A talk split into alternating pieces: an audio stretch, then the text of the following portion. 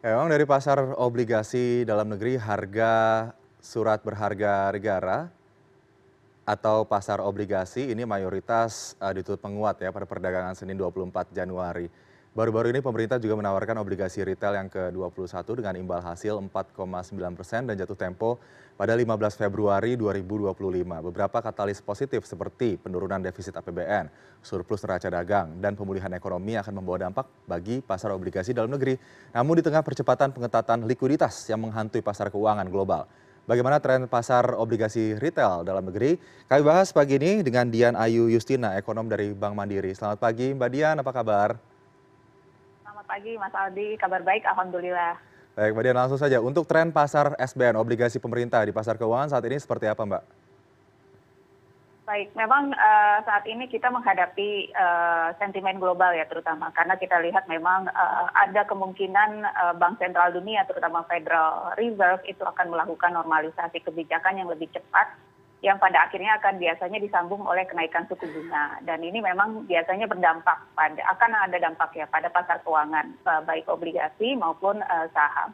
Tapi kita lihat memang uh, uh, dibandingkan tahun lalu akhir tahun lalu memang trennya yield uh, obligasi agak sedikit meningkat itu terjadi secara global. Tapi kita lihat peningkatan untuk yield obligasi indonesia ini relatif terbatas. Artinya lebih kecil dibandingkan negara negara lain. Mhm. dan beberapa hari belakangan ini justru ada sedikit penguatan. Artinya ada sentimen positif uh, terkait terutama dari sisi domestik. Namun tetap saja kita harus uh, cautious ya karena uh, kita juga akan pantau nih uh, hasil dari FOMC uh, tanggal 25 26 dari Fed itu uh, arahnya ke depan bagaimana. Ini akan mempengaruhi Eh, pergerakan pasar keuangan terutama obligasi Indonesia ke depan. Oke, kalau kita bicara soal tantangan selain dari uh, pengetatan moneter yang dilakukan oleh pemerintah Amerika Serikat, bank sentral di sana, begitu, tantangan apa lagi sebetulnya secara global yang nanti akan mempengaruhi imbal hasil obligasi kita. Kalau kita bicara soal imbal hasil obligasi, ini kan jika imbal hasil atau, atau yield tinggi artinya ada capital outflow di situ. Jika rendah sebaliknya. Ini bagaimana kemudian ini kita bisa menakar tantangan-tantangan itu dan menakar taji ya dari surat utang pemerintah?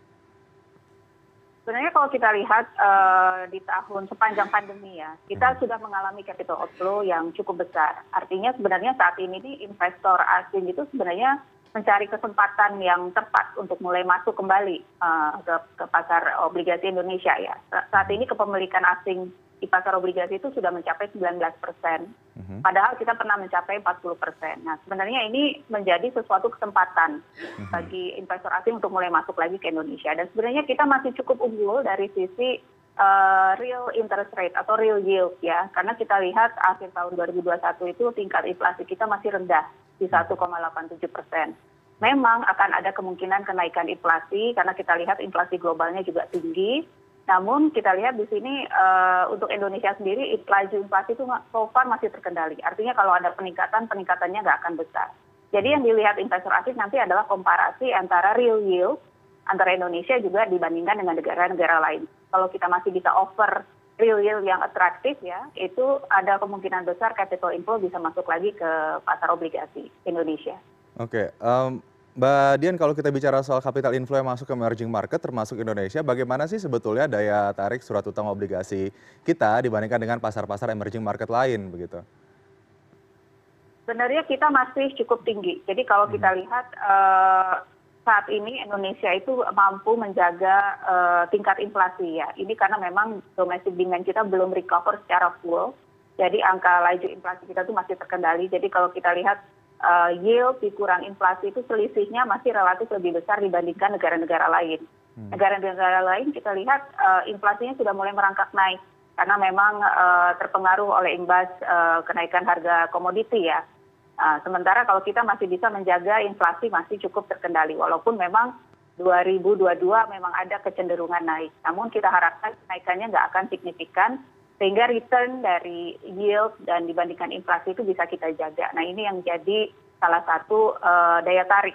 Yang kedua adalah prospek pemulihan ekonomi Indonesia. Jadi tahun 2022 ini kita perkiraannya uh, ekonomi akan reakselerasi, ya hmm. bisa tumbuh kembali ke level pra pandemi forecast kami.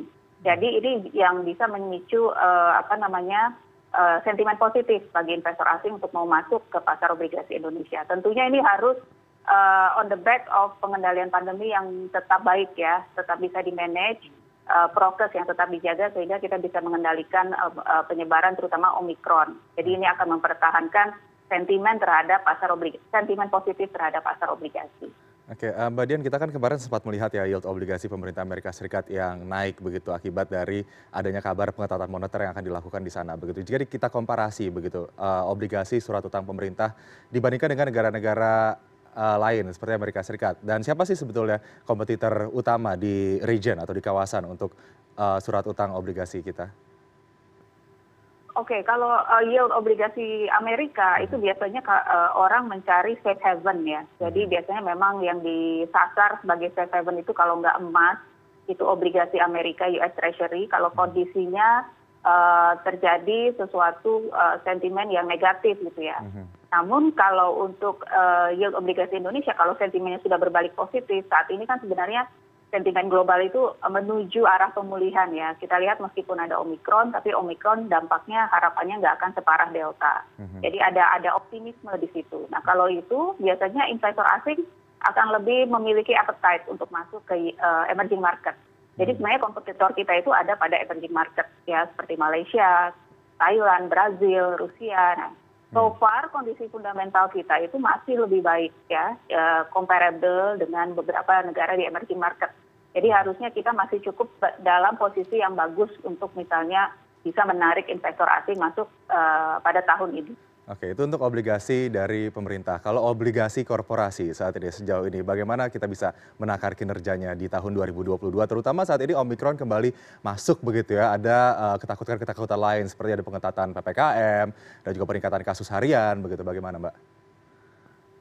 baik kalau obligasi korporasi ini akan sangat tergantung pada fase pemulihan ekonomi terutama di sektor swasta ya. Mm-hmm. Jadi kita lihat memang uh, apa biasanya uh, yieldnya akan mengacu pada uh, yield obligasi pemerintah dan akan memberi uh, sweetener jadi akan lebih tinggi sedikit. Mm-hmm. Tapi uh, demand diperkirakan masih akan uh, membaik, masih akan membaik karena memang uh, optimisme yang ada terhadap uh, prospek pertumbuhan ekonomi di Indonesia di tahun 2022 cuma memang kalau kita lihat ada ekspektasi kenaikan suku bunga global maka ya uh, apa korporasi mungkin harus lebih memberi yield yang lebih menarik gitu ya untuk dapat menarik uh, investor untuk mulai berinvestasi kembali di pasar obligasi korporasi.